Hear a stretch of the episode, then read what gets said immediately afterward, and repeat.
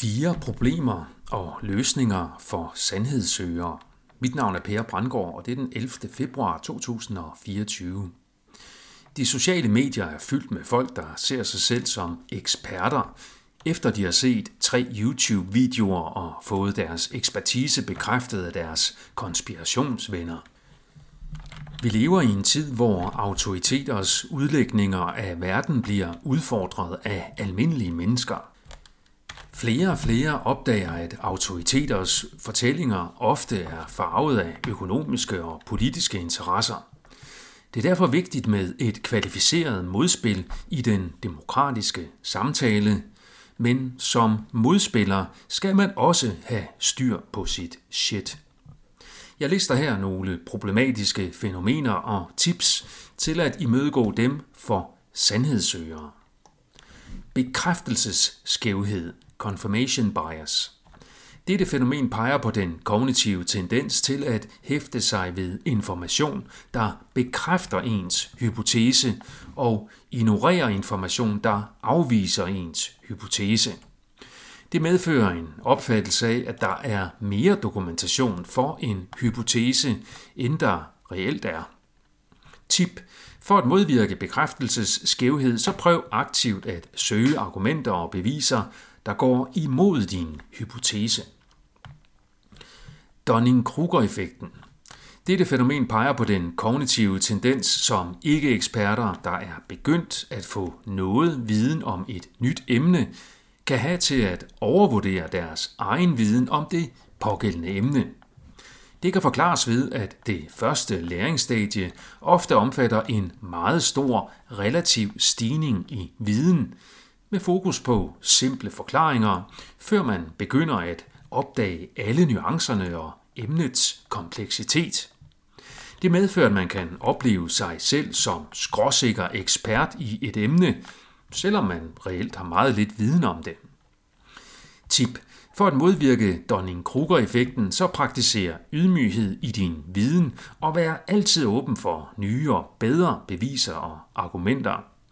Prøv også at undersøge, hvad folk med rigtige uddannelser, der har foretaget rigtig forskning i emnet, er kommet frem til. Især dem, der ikke er i lommen på parter med politiske eller økonomiske interesser. Kausalitetsproblemet.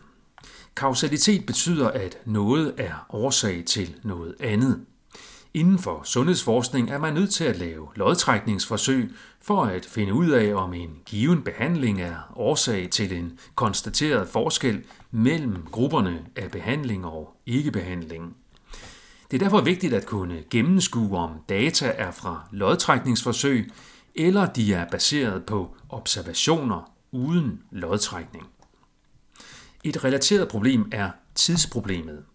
Mange har en tendens til at tro, at hvis A sker før B, så er A årsag til B. Det er dog ikke sikkert, da der for eksempel kan være en tredje faktor, der er årsag til både A og B. Eller A har slet ikke noget med B at gøre. Det er i orden at være forudindtaget og overtroisk. Det skaber blot en meget dårlig argumentation og bevisførelse. I videnskabeligt sprog taler man om, at der er aktører og markører. En aktør er en årsagsfaktor.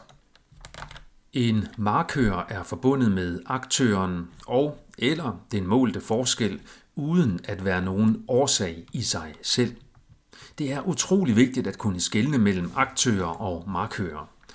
Det kræver ofte ganske dyb viden om det pågældende emne. Den bedste løsning er lodtrækningsforsøg. Den næstbedste er at tage højde for så mange andre faktorer og forklaringsmuligheder som muligt i belysningen af observerende data. Indicie bevis sammenblanding. Politiske sandhedssøger har ofte en tendens til at forveksle indicier med beviser. Denne tendens bliver motiveret af bekræftelsesskævhed. Indicier handler om omstændigheder, som kan pege på skyld, men som også kan have en helt uskyldig forklaring. Indicier skal derfor altid understøttes af beviser, for eksempel i form af dokumenter, der udtrykker intentionalitet. I politisk, historisk og kriminologisk sandhedssøgning kan man i sagens natur ikke udføre lodtrækningsforsøg.